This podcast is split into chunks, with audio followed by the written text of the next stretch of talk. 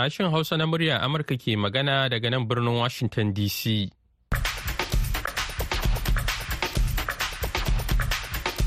Masu sauraro barkanmu da wannan la'asariya da fatan kuna lafiya.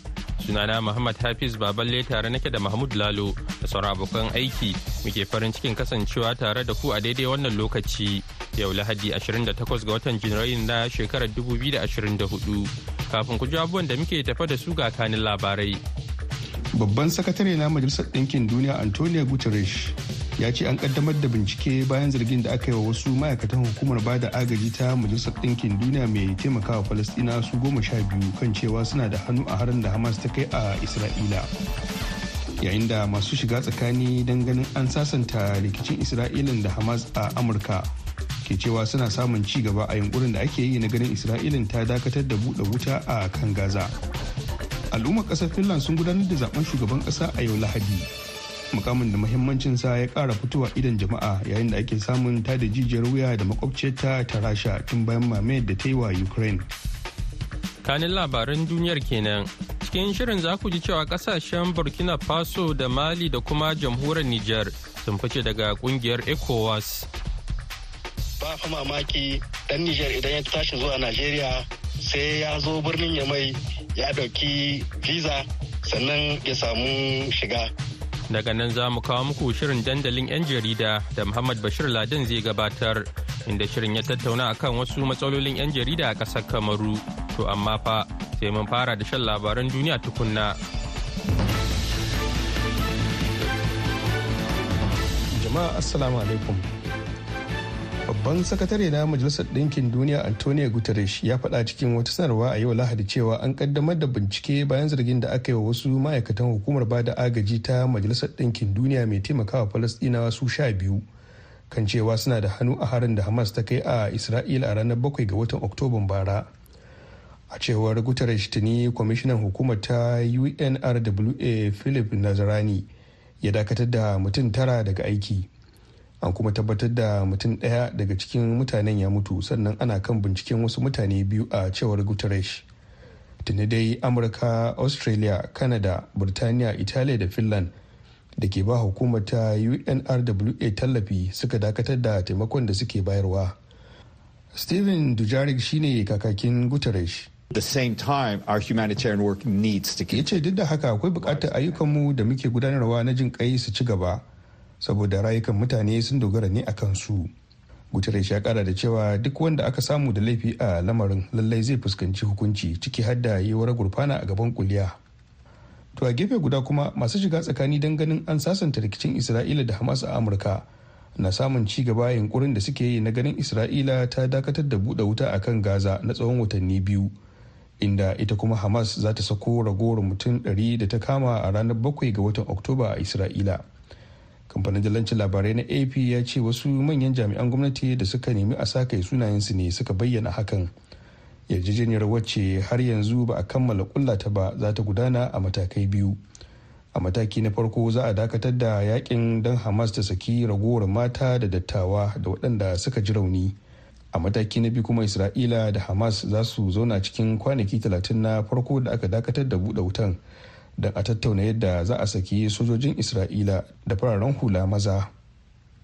Hukumar tsaron ukraine ta sbu ta ce wasu ma'aikatan kamfanin kera makaman ƙasar sun hada kai da wasu jami'ai wajen wawure kusan dala miliyan 40 da aka ware don kera makaman da za a yaƙi rasha. Hukumar ta ce ana tuhumar mutum biyar kuma an tsare mutum guda daga cikinsu yayin da yake ƙoƙarin tserewa daga ƙasar akwai yiwuwar dukkan mutanen biyar su fuskanci hukuncin zaman gidan yari har tsawon shekaru goma sha biyu idan har aka same su da laifi. Babban mai shigar da kara a ukraine ya ce tuni an ƙwace kuɗaɗen kuma za a mai da su cikin kasafin kuɗin tsaro da aka ware. A gefe guda kuma ma'aikatar tsaron birtaniya ta faɗa cikin rahoton da take fitarwa a kullum inda ta ce hare-haren da ake kaiwa kan ofisoshin ɗaukan dakarun rasha a aiki ya ninku cikin watanni shida da suka gabata. Labaran na zuwa muku ne daga nan sashen hausa na murya amurka a birnin washington dc to nan ba da jimawa mahmud zai sake dawo mana da ƙarshen labaran duniyar amma kafin nan za mu buɗe taskar rahotanninmu. Wasu rahotanni na nuni da cewa ƙasashen burkina faso da mali da jamhuriyar niger sun bayar da sanarwar ficewa daga ƙungiyar raya tattalin arzikin ƙasashen afirka ta yamma wato ecowas dangane da wannan batu na tuntuɓi wakilinmu da ke mai silamumin barma inda ya fara da man ƙarin bayani kan sanarwar ficewar da ƙasashen uku suka fitar. A ƙasashen mali burkina faso da niger sun ba da sanarwar ficewa daga sahun ƙasashe mambobin ƙungiyar yawo ko kuma ecowas. Ta hanyar wata sanarwar da aka bayar a kafar talabijin mallakar gwamnatin nijar a ƙarfe biyu na rana wato tashar rtn kakakin majalisar soja ta cnsp kanal abdurrahman amadu shine bayar da wannan sanarwa ta haɗin gwiwar ƙasashen uku a dazu-dazu. To ko menene dalilin ficewar waɗannan ƙasashe? To a yadda sanarwar ta bayyana waɗannan ƙasashe sun kwatanta kamar rashin gamsuwa da yadda ita ƙungiyar ta sai da yawo a halin yanzu ta kaucewa ainihin turba da kuma manufofin da aka kafa ta.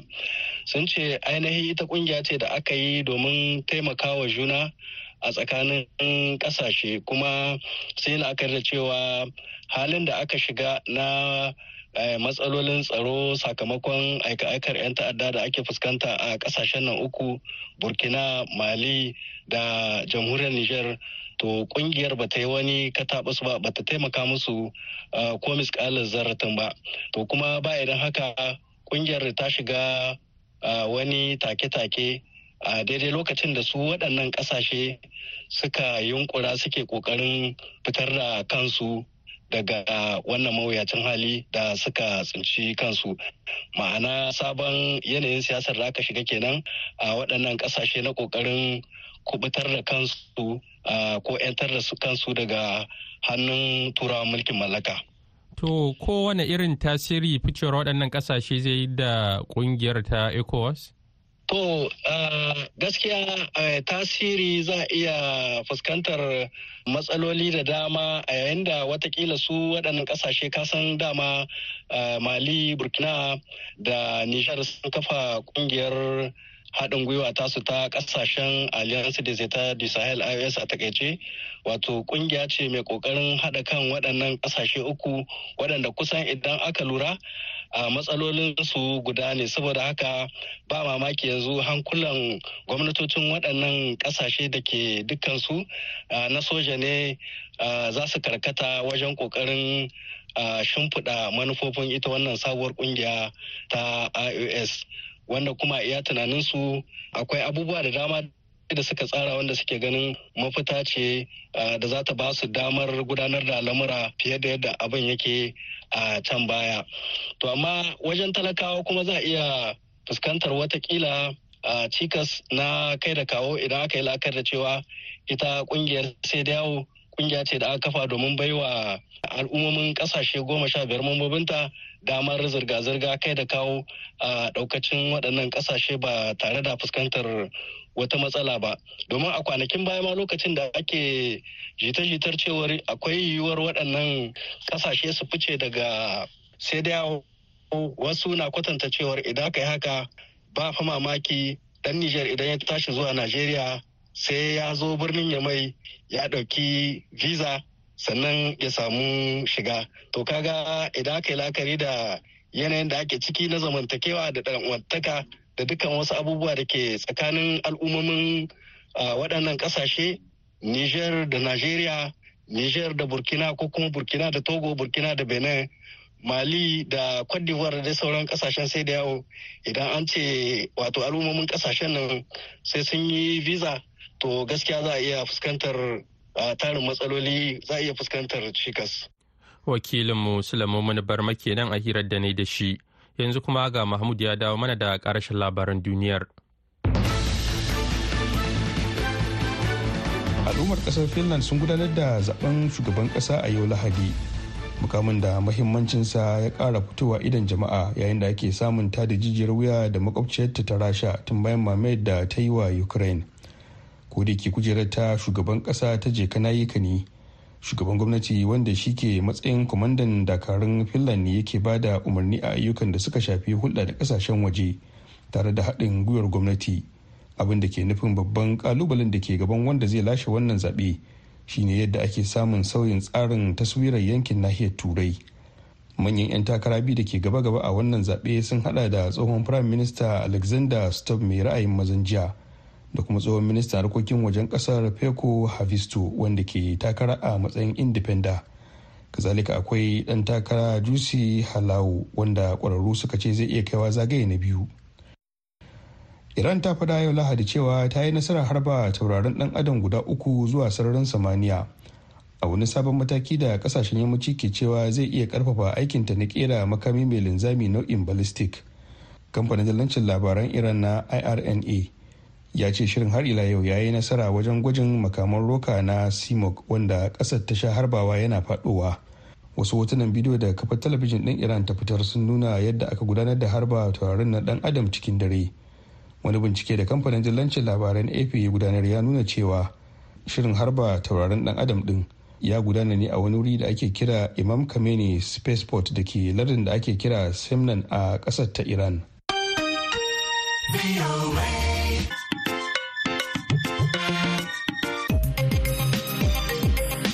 Labaran duniya kuka saurara daga nan sashen Hausa na murya Amurka a birnin Washington DC.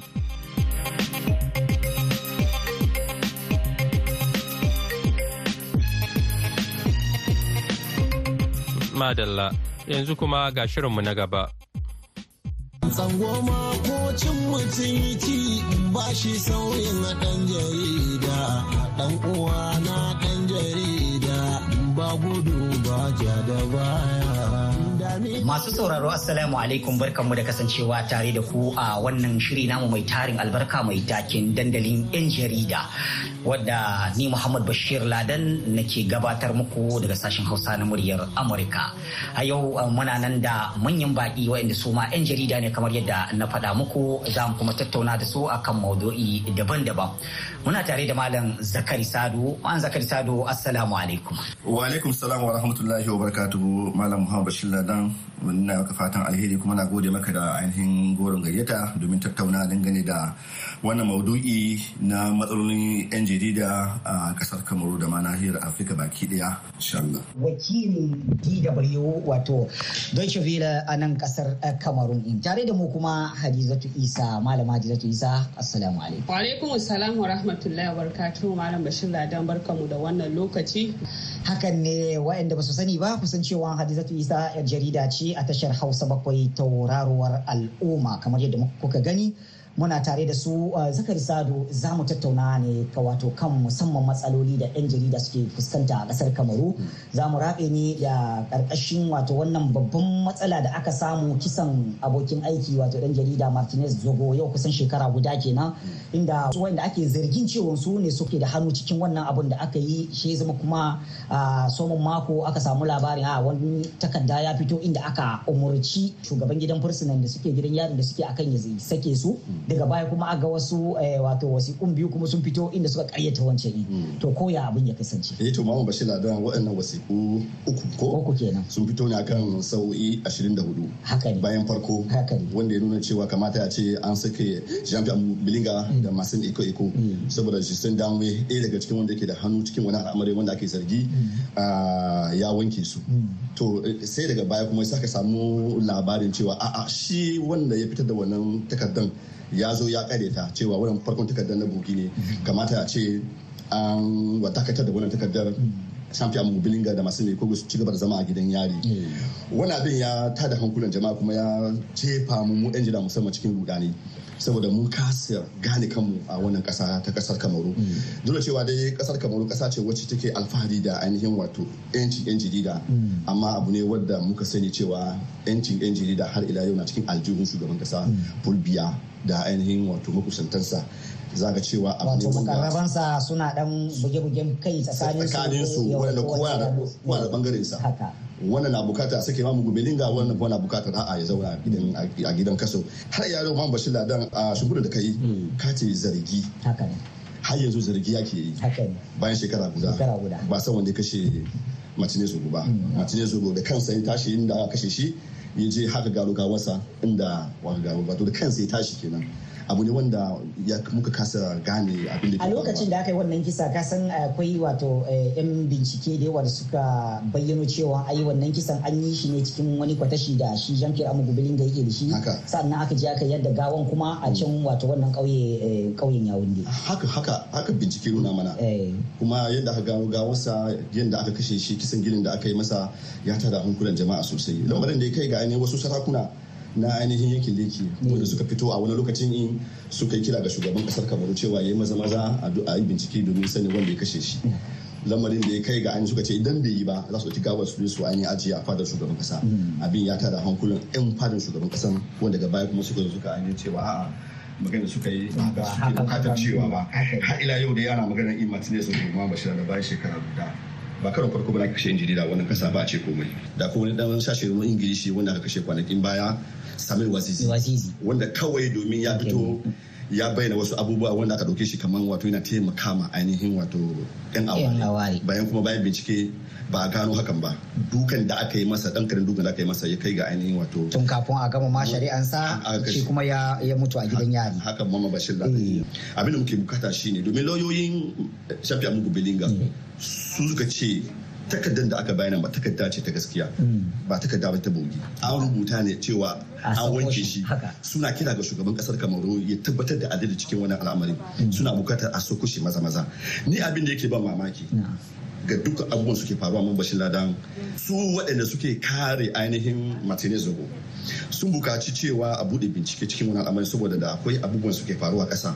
Wanda muna gani kamar yunkurin wato neman a kuɓutar da shafi a bilinga da ƙarfi ake yi. Saboda ƙasar kamaru kasa ce wacce al'umma ta ba ta da abin fada ba ta cewa. Ta ƙone ɓangare ɓangaren zaɓe mun san yadda ake zaɓe a wannan kasa. A koda yaushe muna fitowa muna magana abin da zai yi canzawa ba. Shi zama da cewa yanzu an ɗauke mu kamar an yi garkuwa ne da al'umma waɗanda ainihin ba su da damar da albarkacin bakin su idan ka fito kai magana sai a nemi wato kama ka kuma a hukunta ka ba bisa ka'ida ba. Ko yin fararen gudanar fito a kodi su suke ire kalubalantar ire ire abubuwan da ke faruwa a ƙasar kamaru? Har ila yau bashir dan abu bai canza ba. Muna fatan cewa da insha Allah za mu ci gaba da ainihin. Insha Allah hakan za a yi. Hadisu yi to ke wani irin nazari kike wa wannan abubuwa da suke faruwa musamman tun daga lokacin da aka bayyana cewa amu gubilinga da maxim ko ga su ne waɗanda suke ake zargin su akan wannan kisa da aka yi. Wato wani nazari kike wa aikin jaridan ma gabaki ɗaya wannan kasan a gaskiya a wannan kasa ta kamaru ni abin da zan iya cewa yan jaridu ba su da yancin tofa albarkacin bakin su saboda a duk lokacin da kaga cewa dan jarida ya fito yana faɗan gaskiya to zaka ga cewa daga ƙarshe sai a ji cewa an kashe shi. Kamar yadda wato zakari sadu ya magana akan shi wazizin nan ya yi magana ne akan cewa waɗannan 'yan ambazonia to shi ma sai aka tsinci kanshi aka ga cewa ya shiga cikin wani mawuyacin hali. To a gaskiya abin da zan iya cewa ƙasar kamaru ta kasance ƙasa ne kamar yadda wato zakar ke cewa ƙasa ne da duk al'umma ba su da 'yanci a kowane ɓangare 'yan jaridu a ƙasar kamaru a wannan lokacin suna cikin fargaba duba da cewa abin da ya faru ga martinez su ma zai iya faruwa a karsu to kaga cewa a yanzu ba za su iya mayar da hankalinsu su yi aikin su kamar yadda ya dace ba saboda a gaskiya suna cikin fargaba.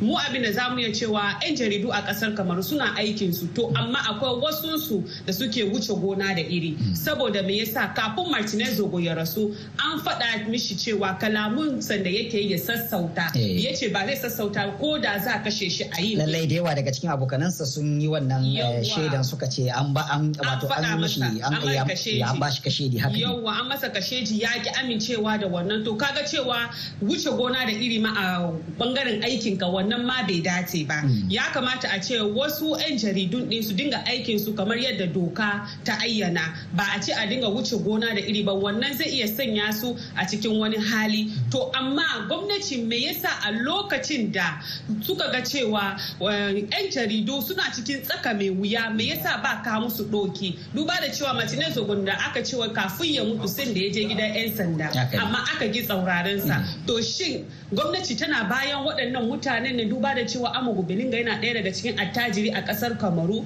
Shin mutane waɗannan 'yan sanda sun bi bayan Amugu Belinga ne ko kuma dama sun san cewa ana bin Martinez Ogun ne suka ki sauraron shi. Daga baya sai aka saurari cewa ya mutu inda aka tsinci gawarsa.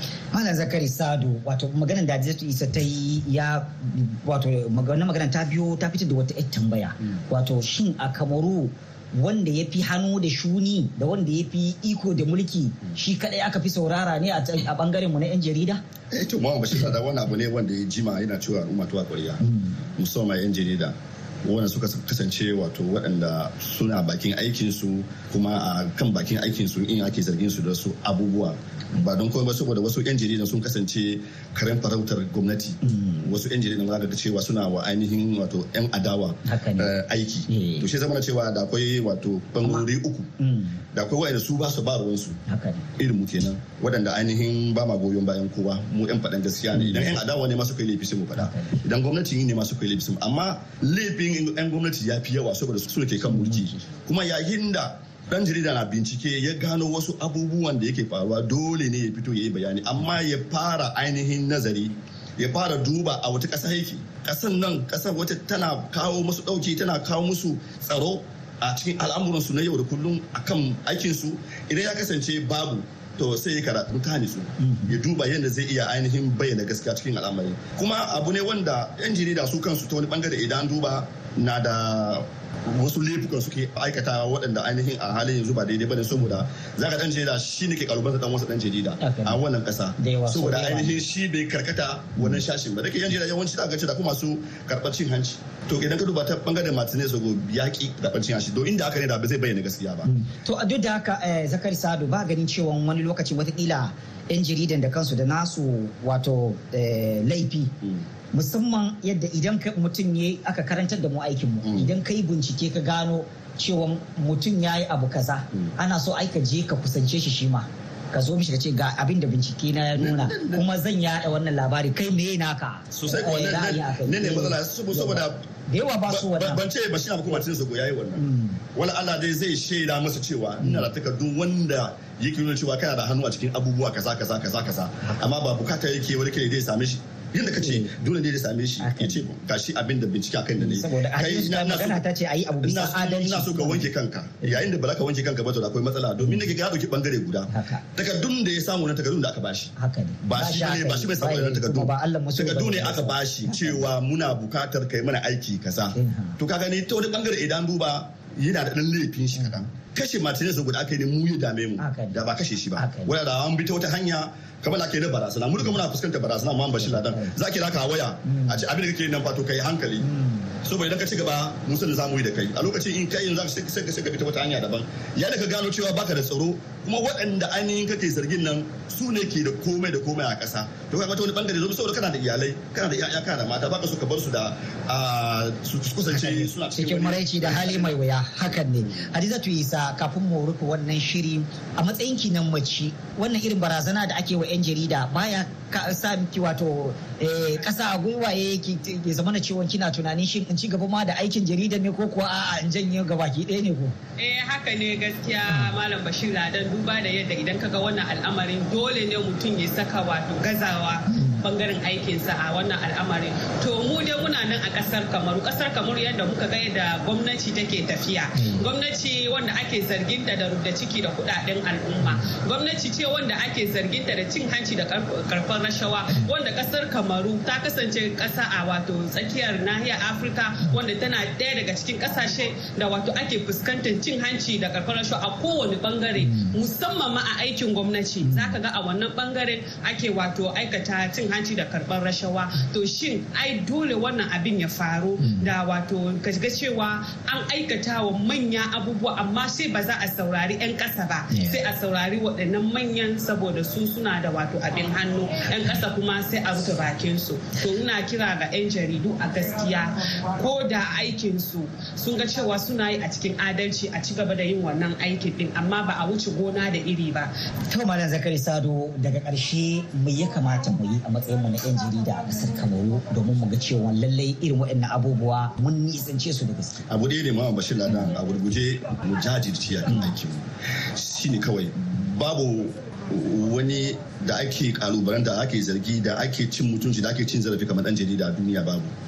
Kaga abin da ke faruwa a gaza waɗanda aka kashe 'yan jarida wanda suke bakin aikinsu. Waɗanda ba suka kasance ba komai ba. Abin na shigewa haka. A ƙasashe da dama kashe 'yan jarida. Mu a ƙasar kamaru muke kasa ce wacce 'yan jarida a koda yaushe idan ya tashi da safe bai san zai iya ainihin wato kaiwa dare ba. Saboda aikin da yake wa ainihin jama'a ba kasa muke ma aiki ba jama'a muke ma aiki. Saboda labaran da muke yadawa labaru ne waɗanda ainihin suke gamsuwa da shi. Abu ɗaya zan ga mu shawarar da zan yi ba su shine su ci gaba da aikin su cikin gaskiya da kuma adalci. Ka su kasance waɗanda ainihin suke da ɓangare yayin da mutum kasance na ɓangare to sai fuskanci matsala. Yayin da mutum ya kawo maka wani labari wanda yake buƙata ka yada kai ka fara bincike akan labarin tukuna idan kai bincike akan labarin idan labari ne wanda yake da akwai sunan wani a ciki ko kuma yake neman bankudo wani abin da wani ya yi ka riƙa same shi kamar da kace ka ce gashi gashi gashi gashi abin da na bincika na gani. Me za ka yi cewa kan wani abin? Kana da abin da za ka yi cewa? Idan da akwai abin da za ka yi cewa shin ɗauka ne kuma yi amfani da shi in gani saka shi a sikeli yi adalci. Idan dai kai magana maganganun ka na tabbatar cewa baka da gaskiya to zan ce sai kai haƙuri zan yi hada wannan labarin. Wannan adalcin kenan cikin sana'anta to malasa zakari sado mun gode maka sosai. Haka zalika khadijatu isa muna matukan godiya. Masu sauraro a madadin duk waɗannan bakin nawa da abokan aiki muke muku godiya kuma muke muku fatan lafiya. Allah ya bayyana mana gaskiya cikin wannan al'amari na kisan Martinez Zogo da kuma duk waɗansu abokan aiki ɗin jarida suke fuskantar irin waɗannan matsaloli. Sai kuma wani lokacin idan mai kowa mai komai ya so. Assalamu alaikum wa rahmatullahi wa mace harkar jarida a wanda ya mutu don jihadi ya zama wani shahada madalla gaida bashir ladan. Wannan shirin na zuwa muku ne daga nan sashen hausa na murya amurka a birnin washington dc akan mitoci 16 25 da kuma 31 a jamhuriyar Nijar kuma za a iya samun a tashar ta BOA Africa akan mita 102.5 yanzu agogo a nan Washington DC na cewa ƙarfe goma na safe da minti 26 yanzu kuma ga shirinmu na gaba. Babban sakatare na majalisar ɗinkin duniya antonio guterres ya faɗa cikin wata sanarwa a yau lahadi cewa an kaddamar da bincike bayan zargin da aka yi wa wasu ma'aikatan hukumar ba da agaji ta majalisar ɗinkin duniya mai taimakawa falastinawa su sha biyu kan cewa suna da hannu a harin da hamas ta kai a isra'ila a ranar bakwai ga watan oktoban bara. A cewar guterres tuni kwamishinan hukumar ta unrwa philip nazarani ya dakatar da mutum tara daga aiki. An kuma tabbatar da mutum ɗaya daga cikin mutanen ya mutu sannan ana kan binciken wasu mutane biyu a cewar guterres. Tuni dai amurka australia canada burtaniya italiya da finland da ke ba hukumar ta unrwa tallafi suka dakatar da taimakon da suke bayarwa. Hukumar tsaron ukraine ta sbu ta ce wasu ma'aikatan kamfanin kera makaman ƙasar sun hada kai da wasu jami'ai wajen wawure kusan dala miliyan 40 da aka ware don kera makaman da za a yaƙi rasha. Hukumar ta ce ana tuhumar mutum biyar kuma an tsare mutum guda daga cikinsu yayin da yake ƙoƙarin tserewa daga ƙasar akwai yiwuwar dukkan mutanen biyar su fuskanci hukuncin zaman gidan yari har tsawon shekaru goma sha biyu idan har aka same su da laifi. Al'ummar ƙasar finland sun gudanar da zaɓen shugaban kasa a yau lahadi. Mukamin da mahimmancinsa ya kara fitowa idan jama'a yayin da ake samun ta da jijiyar wuya da makwabciyarta ta rasha tun bayan mamayar da ta yi wa ukraine. Ko da ke kujerar ta shugaban kasa ta je kana yi ne shugaban gwamnati wanda shi ke matsayin kwamandan dakarun finland ne yake ba da umarni a ayyukan da suka shafi hulɗa da ƙasashen waje tare da haɗin gwiwar gwamnati. Iran ta faɗa yau lahadi cewa ta yi nasarar harba tauraron dan adam guda uku zuwa sararin samaniya. A wani sabon mataki da ƙasashen yammaci ke cewa zai iya ƙarfafa aikinta na kera makami mai linzami nau'in ballistic. To masu sauraro da takaitattun labaran muka kawo ƙarshen shirin namu na yanzu sai kuma an jima da daddare za mu sake dawa da wani sabon shirin idan Allah ya yarda. Yanzu kan a madadin Mahmud Lalo da ya taimaka shirin ya zo gare ku sai kuma Fiona wa mayi da ta ba da umarni. Da kuma injiniyanmu na yanzu Justin daga nan birnin Washington DC ni Muhammad Hafiz Baballe ke cewa ku kasance lafiya. Salamu alaikum.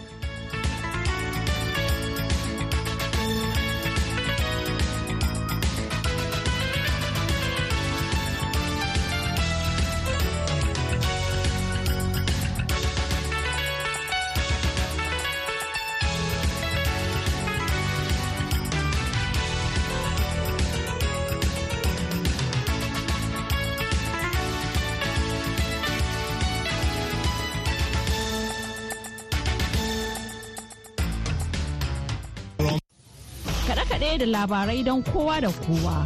VOA Africa a Yamai a kan mita 200.5 a zangon